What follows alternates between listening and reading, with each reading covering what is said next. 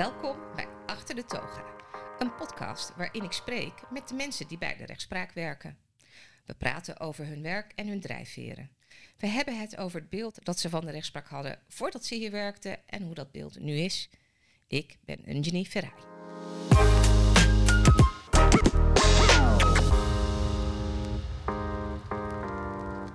Welkom, Sarah, Shiraz. Dankjewel. Dank, dank je.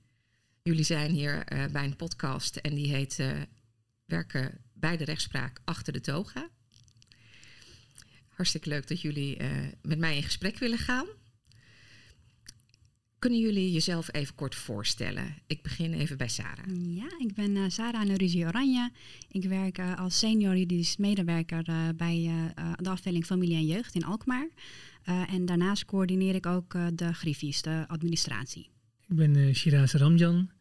Werk als senior juridisch medewerker bij strafrecht Alkmaar. Hele verschillende rechtsgebieden. En hoe Ja. kennen jullie elkaar? Wij kennen elkaar via ehm, een commissie, diversiteit, eh, dat eh, in Alkmaar en in Haarlem speelt. Eh, er is ook een landelijke commissie voor, maar wij zitten dan eh, voor Alkmaar in de commissie. Daar wordt dan aandacht aan besteed. En is het voor Alkmaar of is het voor de rechtbank totaal? Want nee, het jullie is voor de werken rechtbank totaal. Ja, rechtbank Noord, Noord-Holland. Noord-Holland. Oké. En hebben jullie elkaar daar voor het eerst leren kennen of ook al eens in het werk tegengekomen? Nou, we zagen elkaar wel eens in Alkmaar lopen, maar ja, je spreekt elkaar dan niet echt, want je kent elkaar dan niet één op één. Maar eigenlijk sinds de werkgroep dat we elkaar Ja. echt ook zijn gaan spreken. En toen kwam eigenlijk dit item en het leek ons fijn om daar samen mee te doen, ook van, met, vanuit die gedachte. Jullie zijn wel alle twee eh, juridisch medewerker. Ja. Hoe groot is het aantal juridisch medewerkers dan? Hoe groot is jullie club? Dat je elkaar niet tegenkomt? Nou, in Alkmaar een stuk of dertig juridisch medewerkers, denk ik. eh, maar dan beide locaties. Ja, en je zit ook op verschillende etages, dus je komt elkaar niet zo snel na. Ja, maar per afdeling kom je wel op een stuk of dertig, Ja. denk ik. Per afdeling. Per afdeling, ja. Oké, dus dat is ook wel heel veel. Dus strafrecht heeft er 30 en eh, familierecht heeft er 30. Zo. Ja, Zoiets, ja. ja. Ah, nee, dan begrijp ik het beter dat je elkaar niet zomaar spreekt. Want eh, als je een, eh, bedrijfsrestaurant of zo hebt, zit je waarschijnlijk meer met je afdeling te lunchen.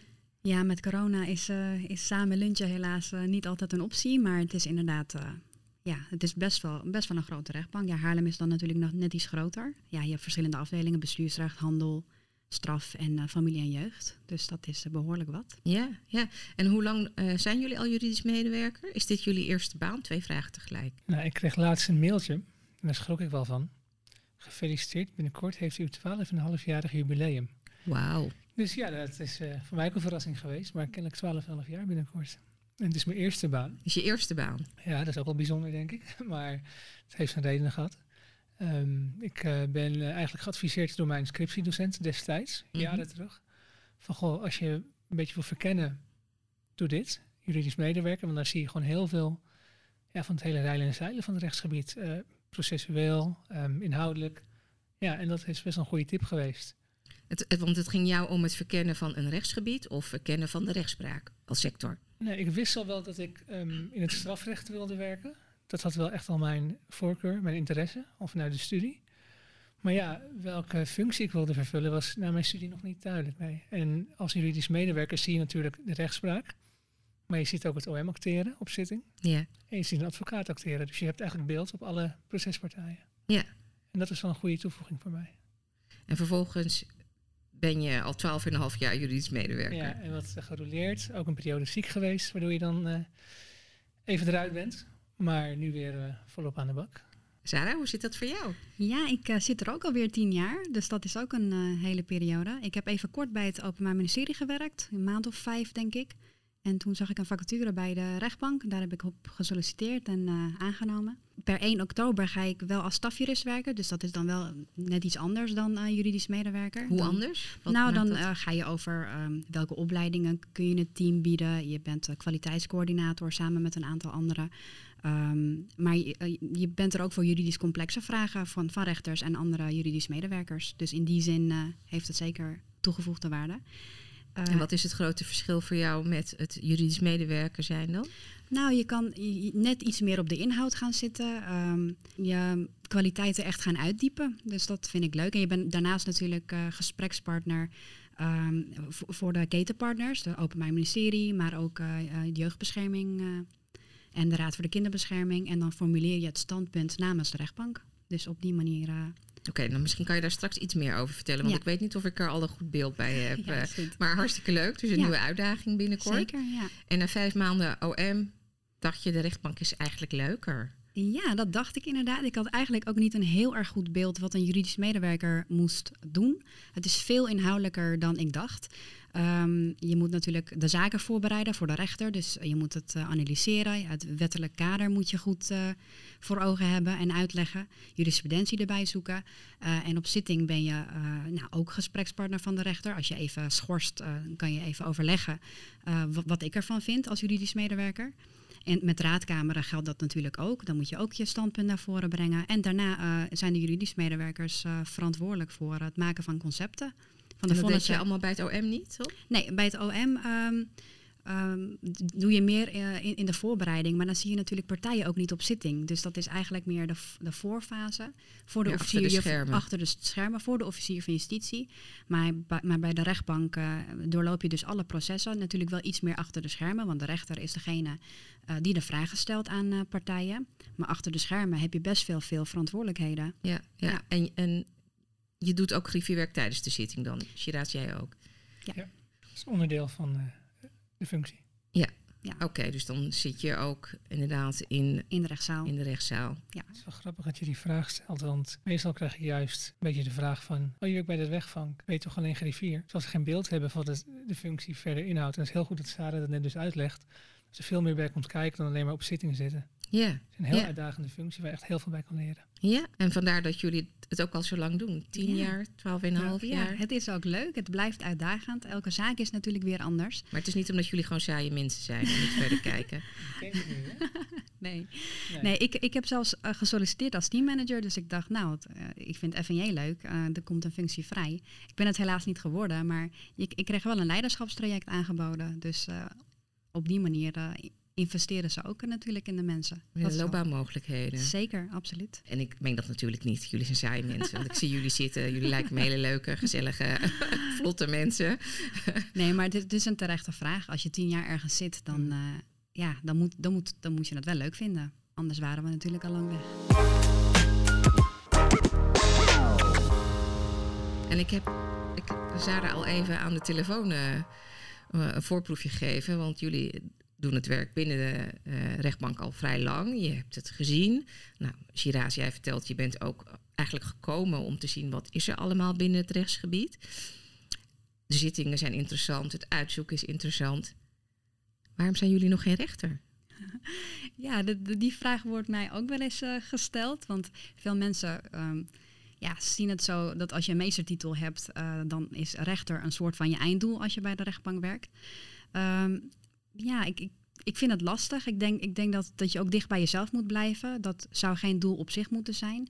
Het is ook zo dat als je ehm, rechter zou willen worden, dan moet je ook eh, ervaring buiten de recht, rechtspraak opdoen. Dus dat is natuurlijk een drempel. Dan moet je er een paar jaar uit. Een van de vereisten, hè, dat Ja. je twee jaar ook ervaring hebt buiten Ik denk de dat het alleen rechtspraak, ook maar goed is hoor, om die ervaring wel op te doen als dat je doel is.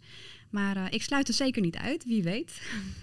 Want jullie zijn ook nog hartstikke jong als ik kijk naar jullie. Hè? Dus de mogelijkheden genoeg. Nee, ik ben 38, dus eh, ja, natuurlijk, die mogelijkheden, die zijn er gelukkig. Ja. Ja. En Shiraz, hoe is dat voor jou?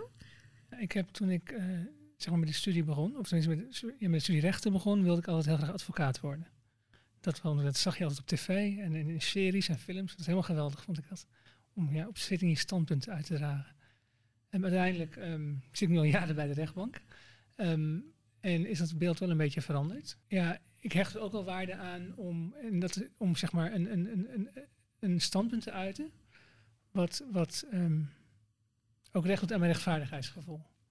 En bij een advocaat zit je soms, als advocaat zal je soms standpunten moeten innemen, professioneel, die misschien tegen jouw rechtsgevoel ingaan. Dat zou je dan als goede advocaat misschien moeten kunnen. Dat is voor mij wel een drempel dat ik van, goh, kan ik daar altijd mee leven? En bij de rechtspraak ben je toch vooral recht aan het toepassen, wetstoepassing. Dus ja, dit ligt mij nu op dit moment meer. Maar ik ben wel aan het, ook aan het oriënteren, wat ik net aangaf, bezig met dingen. En het is heel toevallig dat ik met Sarah hier zit, want dat wist ik nog niet. Maar ook mij is een leiderschapstraject aangeboden. Oh, ja. Dus dat is wel Nou, kijk. Jullie spreken elkaar nog te weinig. Ja, veel te weinig. Ja. Ja, Wat leuk dat we dat Ja. hier dan horen. Dus eh, dat is een, een mooie ontwikkelingsmogelijkheid. Ja, ja. En als ik het goed begrijp, hebben jullie op dit moment beide, dan geven jullie de voorkeur aan om je verder te ontwikkelen vanuit juridische medewerker, niet zozeer per se richting rechter. Ik, ik hoor ook niet dat iemand het uitsluit. Hè, maar je zegt ook duidelijk, hoeft niet je einddoel te zijn. Er is gewoon meer te doen Zeker, binnen deze sector wat leuk en uitdagend is. Ja, en wat het ook leuk maakt, is dat je die belangenafweging afweging kunt uh, toepassen. Je, je, hoort de standpunten aan en dan uh, je zoekt daar wat jurisprudentie uh, bij. Je bespreekt het met andere rechters in de combinatie. En dan heb je een eindoordeel. Dat vind ik juist mooi. Je, je, je kan dat afwegen. En als advocaat ben je natuurlijk procespartij, maar dan heb je natuurlijk ja, je cliënt te vertegenwoordigen. En dat is natuurlijk ook heel mooi. Maar uh, ja, vanuit onze positie is dat natuurlijk ook heel mooi om te kunnen afwegen. Ja, en die drempel, uh, als die er is, hè, van mhm. twee jaar juridische ervaring buiten de rechtspraak, of je meteen vanaf de universiteit ingestroomd bent, om eventueel de stap naar rechter te kunnen zetten, in de RIO-opleiding in te stromen, rechter in opleiding. Voel, ervaren jullie die als, als groot, als uh, een van de dingen waarom je het niet doet? Of toch echt meer wat jullie net vertelden rondom nou, het werk zelf? Ik, ik, ik vind het zelf wel positief dat, uh, dat je je uh, bij de rechtspraak ook kan laten detacheren bij een andere organisatie. Dus dan is de drempel om dat te doen denk ik ook minder groot. Je behoudt je vaste contract. Uh, maar je kan wel proeven bij een andere organisatie hoe het er uh, aan toe gaat. En dan kan je op die manier een kijkje in de keuken nemen. Dus uh, dat hoeft zeker niet een drempel te zijn. Want is het uiteindelijk niets voor je, dan kan je gewoon weer hè, terug veilig naar de plek waar je was. dus ik ervaar het niet als een drempel. en dat is natuurlijk ook het mooie bij, hè, voor werken bij de overheid. dat je die mogelijkheden krijgt om, om je te laten detacheren. Dat is natuurlijk in het bedrijfsleven niet of anders. Oké, dus uh, als je zou willen, dan zou het relatief eenvoudig te realiseren zijn. Zeker, ja. Oké, dat is goed om te weten. Dat, dat uh, ervaar jij hetzelfde, Shiraz? Niks op, nou, niks op toe te voegen. Niks op toe te voegen. nou ben ik ook wel heel erg benieuwd naar... Um, nou, jullie zitten er dus inderdaad al zo lang. Um, toen je ging studeren, nou jij gaf net al een beetje aan, Shiraz, hè? je dacht eigenlijk advocaat. Maar hoe zit dat voor jou, Sarah, toen je ging studeren? Ja, dat is een goede. Ik, we hadden het er toevallig net over van, goh, wat maakt nou dat je rechten bent gaan studeren? Mijn ouders die uh, zaten in een vechtscheiding. Ik was uh, elf jaar oud. Uh, en een familievriend van ons was advocaat. En die heeft ons een beetje bij de hand genomen en als advocaat opgetreden bij de omgangsregeling. En ik heb ook een gesprek gehad met een kinderrechter toen ik twaalf was. Want hè, vanaf dat moment mag je je mening kenbaar maken over het verzoek. En dat heb ik allemaal als best positief ervaren in een redelijk ja, nare periode. Ja, dus dat je is vertelt het heel rustig, maar ja, het is een nou ja, periode. Het, het, is natuurlijk wel heftig en dat, dat is voor jongeren die te maken hebben in, met de echtscheidingssituatie en alles wat erbij komt kijken, is natuurlijk best wel heftig. Um, maar dat heeft toch wel een redelijk positieve invloed op mij achtergelaten. In die zin dat, dat ik wel geïnteresseerd raakte in het recht, maar ook werken bij de rechtbank. Dus dat heeft altijd wel een beetje uh, in mijn achterhoofd gespeeld. Ja, is dat ook een uh, achtergrond waarom je familierecht uh, ja, ja, nu? zeker. Ja? ik heb, ben afgestudeerd in persoonlijk en familierecht en in strafrecht. Dus beide ontzettend leuk. Dus uh, ja, dat maakt het ook dynamisch. Je hebt en strafrecht en familierecht. Dus waarom zou je überhaupt ergens anders willen werken? Ja, nee, ja. ja dat blijkt wel, hè? Tien jaar. Dus, ja, nee, dat is waar. Ja. ja. Dankjewel, dankjewel. En um, ja, jullie zitten tegenover mij en jullie namen, nou Sarah, dat kan in een heleboel culturen, komt die naam voor. Hè? Maar Shiraz, dat is niet een naam die ik eigenlijk ook zelf ken. Mm. Terwijl uh, toen we aan het praten waren met elkaar, uh, bleek dat wij een, een, culturele achtergrond delen. Want mm. wij zijn beide Hindoestaans-Surinaams. Klopt. Heeft jouw uh, culturele achtergrond nog invloed op je keuze gehad om wel of niet bij de rechtspraak te gaan? Er is namelijk een, ik zal het even kort toelichten. Mm. Uh, een onderzoek geweest een paar jaar geleden om vast te stellen uh, waarom het niet zo goed lukt om mm. mensen te bereiken met een diverse achtergrond. kwam uh, naar boven dat er in uh, een heleboel andere landen de rechtspraak niet als positief staat aangeschreven. Nee, ik herken dat beeld dat in bepaalde landen zou zijn. Het, het, het niet vertrouwen hebben in de rechtspraak herken ik niet vanuit mijn achtergrond. Het was juist uh, helemaal tegenovergesteld. Ik keek juist heel erg op tegen de rechtspraak. Nog steeds overigens. Ik zie natuurlijk wel verbeterpunten binnen de rechtbanken. Uh, maar op zich, nee, ik kijk er zo echt tegenop. Ik vond het echt juist iets van wauw. Echt solliciteren. Is er denk je dan een andere reden waarom uh, ja, onze zeg maar culturele groep niet wat in wat grotere getalen werkzaam is bij de rechtspraak of ons weet te vinden? Wat denk je? Ja, vanuit mijn achtergrond, ja, in, in Iran heb je eigenlijk volgens mij geen vrouwelijke rechters. Dus dat, dat is dan wel de beperking. Het regime zit natuurlijk ook heel anders in elkaar. Ja. Maar ik vind het ook wel een ja, Misschien even goed, jij, jij, vertelde in het voorgesprek oh dat je... Ja, ik ben Iraans inderdaad, ja. Ik kom uit Iran, dus uh, ja, daar heb je natuurlijk een hele andere kijk op um, het rechtssysteem. Maar ook... Uh, ja, wat je, vrijheid van meningsuiting hadden we net over. Dat, dat is daar natuurlijk ook uh, iets wat uh, ja, niet van toepassing is. Dat is een groot goed wat we hebben in Nederland. Ja, want jij bent geboren in de tijd dat daar het. Uh... Ja, ik ben geboren in Iran. Ik was ongeveer acht toen we naar Nederland kwamen. Um, en uh, ja, mijn ouders hebben de revolutie inderdaad meegemaakt. Uh, ouders, ja, precies. Maar toen jij geboren werd, was het regime van de Ayatollahs al gevestigd. Ja. Ik weet niet of het een bepaalde naam heeft, maar zo ken ik. Nee, inderdaad. Nee, dat, dat was inderdaad zo. Dus ik heb daar ook een jaar op school gezeten. En het is zo dat als je in Iran woont, uh, dat je dan ook een hoofddoek omdoet. Dus ja, als zevenjarig meisje ben ik daar ook op school geweest met een hoofddoekje en een pakje. Ja. Dus ja, dat is echt een andere wereld natuurlijk. Ja.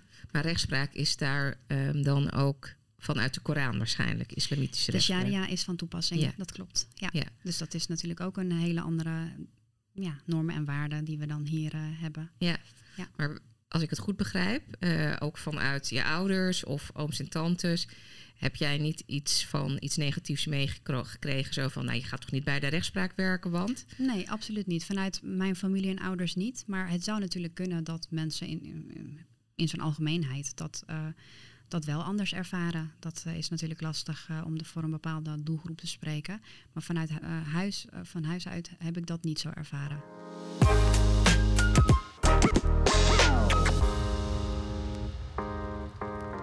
We weten dat ongeveer 14% van de studenten die rechten studeert een biculturele achtergrond heeft. Ja.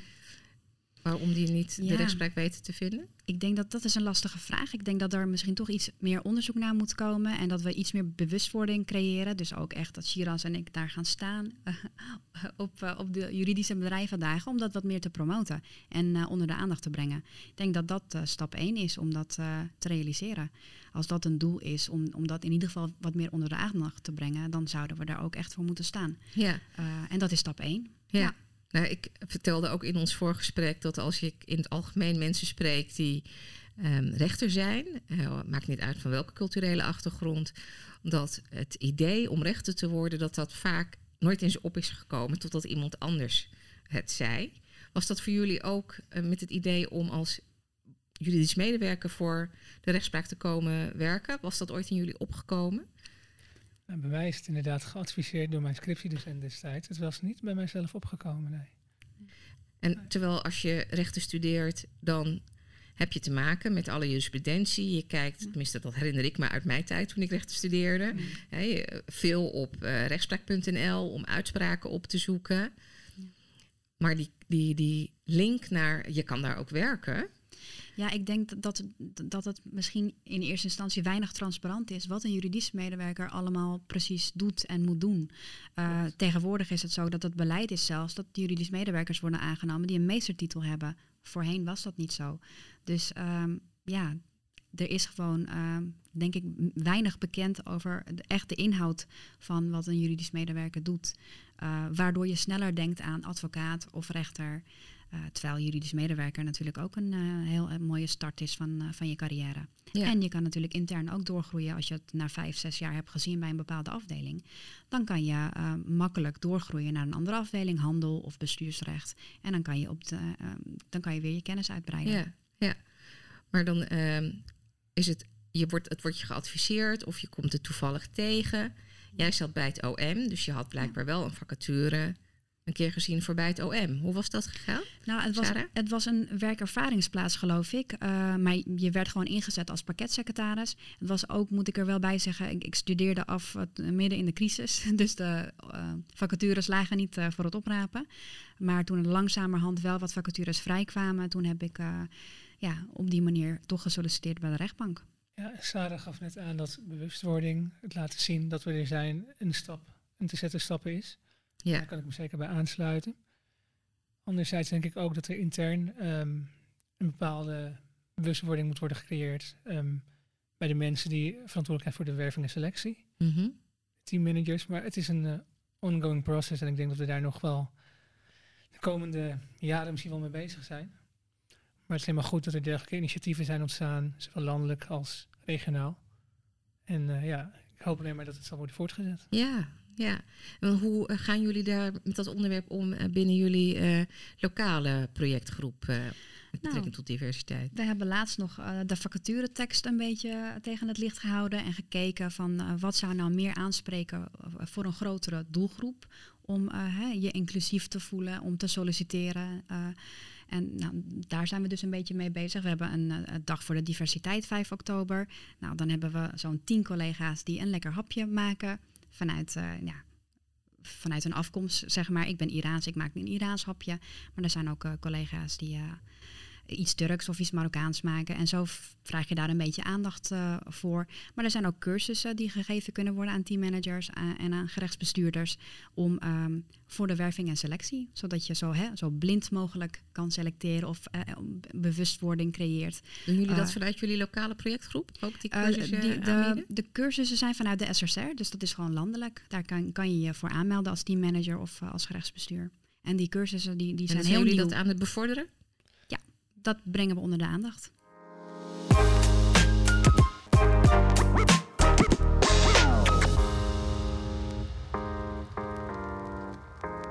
En Sarah, als ik jou tegen zou komen, dan eh, ja, ik zou niet weten dat jij eh, uit een ander land van eh, origine komt. Hè.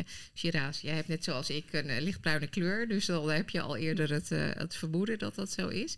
Denk jij dat je collega's weten dat jouw achtergrond, eh, eh, cultuur, achtergrond, maar ook jouw geboorteland Iran is? Ehm, ja, ik denk dat ze dat wel weten, ook als ze naar me kijken.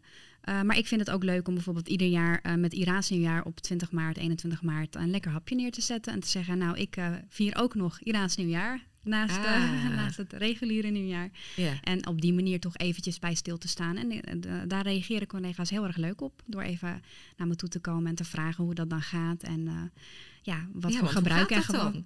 Nou ja, ik, ik, weet niet uit mijn hoofd in welk jaar we leven inmiddels. Maar ja, dat- gaat gepaard met dat je zeven dingen met de letter S op tafel zet. Een week voorafgaand aan Iraans nieuwjaar. En je laat gras groeien. En ja, verschillende dingen. De woensdag voor eh, nieuwjaar, dan, dan eet je een bepaald visgerecht met rijst. En dat doen alle Iraniërs op aarde. Dus ja, dat... Oh, wat eh, lachen. ja. Ja. Ja. En, en die S, die is het, dat het begin van nieuwjaar of zo? In het Nee, zeven dingen met een letter S. En, en dat zijn munten. En een vis staat dan voor gezondheid. En munten staat dan voor rijkdom. En zo heb je Ah, dus zeven dingen met een letter S... die dan zeg maar voor voorspoed moeten zorgen. Oh, oké. Wat is Ja. het Iraanse woord voor sp- voorspoed? Of het is waarschijnlijk Arabisch? Ja, dat weet ik eigenlijk niet. Oké. Nee. maar dat, dat vind ik leuk om ook aan mijn kinderen mee te geven straks. Dus eh, ja, Ja. ja, kan ik me voorstellen. Ja. Ja. Shiraz, krijg jij wel eens vragen over... eh, ben je in Nederland geboren? Dat ben jij, want dat vertelde je net. Klopt. Of waar kom je vandaan? Of... Nou, op het werk eerlijk gezegd niet. Ehm, dat is een onderwerp wat niet echt vaak ter sprake komt. Ik vind het wel leuk om zelf erover te vertellen. Ehm, wat ik laatst heel leuk vond, van een collega van mij, was toen zeg maar met het einde van, het suiker, of, eh, van de Ramadan, dus het suikerfeest, Ja. had hij bijvoorbeeld Turkse lekkernijtjes neergelegd. En voor collega's, dat soort dingen vind ik wel leuk. Want hoe dan ook, het is toch wel leuk om ook op die manier je collega's te leren kennen. Ja. En dat ook wel belangrijk is voor de bewustwording binnen een afdeling. Ja, ja. Ja. Want eh, als we het hebben over hoe eh, ga je met je collega's om, waar heb je het over? Waar hebben jullie het dan over met je collega's eh, tijdens de lunch? Ja, het gaat volgens mij nog steeds helaas deels over het werk. Toch Over het werk, over de inhoud. Eh, maar ook wel over, eh, meestal gaat het over series of sport, denk ik. Dat zijn de meeste dingen die ik herken. Maar echt over ja, cultuurgerelateerde dingen, zoals afkomst en zo, of gebruik. Nee, dat, dat wordt nooit echt. Nee, wat heb je in het weekend gedaan? Ik ben naar een eh, bruiloft geweest, een Hindoestaanse bruiloft. Eh, Ja, nee, want het nee, ik ben gewoon naar een bruiloft geweest. Ik benadruk dan niet een Hindoestaanse bruiloft, nee. nee. Oké, Gewoon neutraal, misschien het ook wel bij mezelf. ja, ja dat, dat kan heel Een goed. doordenkertje. Ja, ik denk, ik denk dat mensen ook uh, gewend zijn om er misschien niet te veel nadruk op te leggen. Dat is Mm. denk ik ook wel heel persoonlijk. Maar ik denk dat het ook prima is om er af en toe wel een keer nadruk op te leggen. Zoals die dag van de diversiteit om een lekker hapje te maken. Dan kan je er ook bij stilstaan van, oh ja, zoiets eh, hebben wij ook. Met, met, hè, met het Hongaars of met het Turks. Dus dat, dat is leuk om daar Ja. ook eens een keer eh, aandacht aan te besteden. Ja. Hoeft zeker niet dagelijks. En dat is ook niet nodig, denk ik. Maar dat er ruimte voor is, dat is dan positief, denk ik. Ja, en heb je het idee dat die ruimte er meer is dan in het verleden? Ja, zeker. Ja? Ik was tien jaar geleden, denk ik, een van de weinige eh, mensen met een biculturele achtergrond die voor mijn afdeling was aangenomen. En daar sta je niet bij stil. Ehm, dat merk je op een gegeven moment. Dat is prima. Maar da daar, ja, dat is nu wel anders, heb ik het idee. Ja, Ja. veel meer. Ja. Nou, we gaan eh, afronden. Yes. Ik eh, wil jullie heel hartelijk bedanken voor een heel mooi gesprek. Volgens mij, als ik het eh, goed samenvat, dan hebben jullie het je erg naar je zin in jullie functies, Zeker. maar ook binnen onze organisatie. En ik hoor toch ook dat jullie het heel leuk zouden vinden als er meer collega's met een diverse achtergrond nog erbij komen. Ze zijn van harte welkom. Zeker weten. Dank jullie wel. Dankjewel. Voor wie interesse heeft gekregen, meer informatie over werken bij de rechtspraak vind je op de website werkenbijderechtspraak.nl. Want de rechtspraak werkt voor iedereen.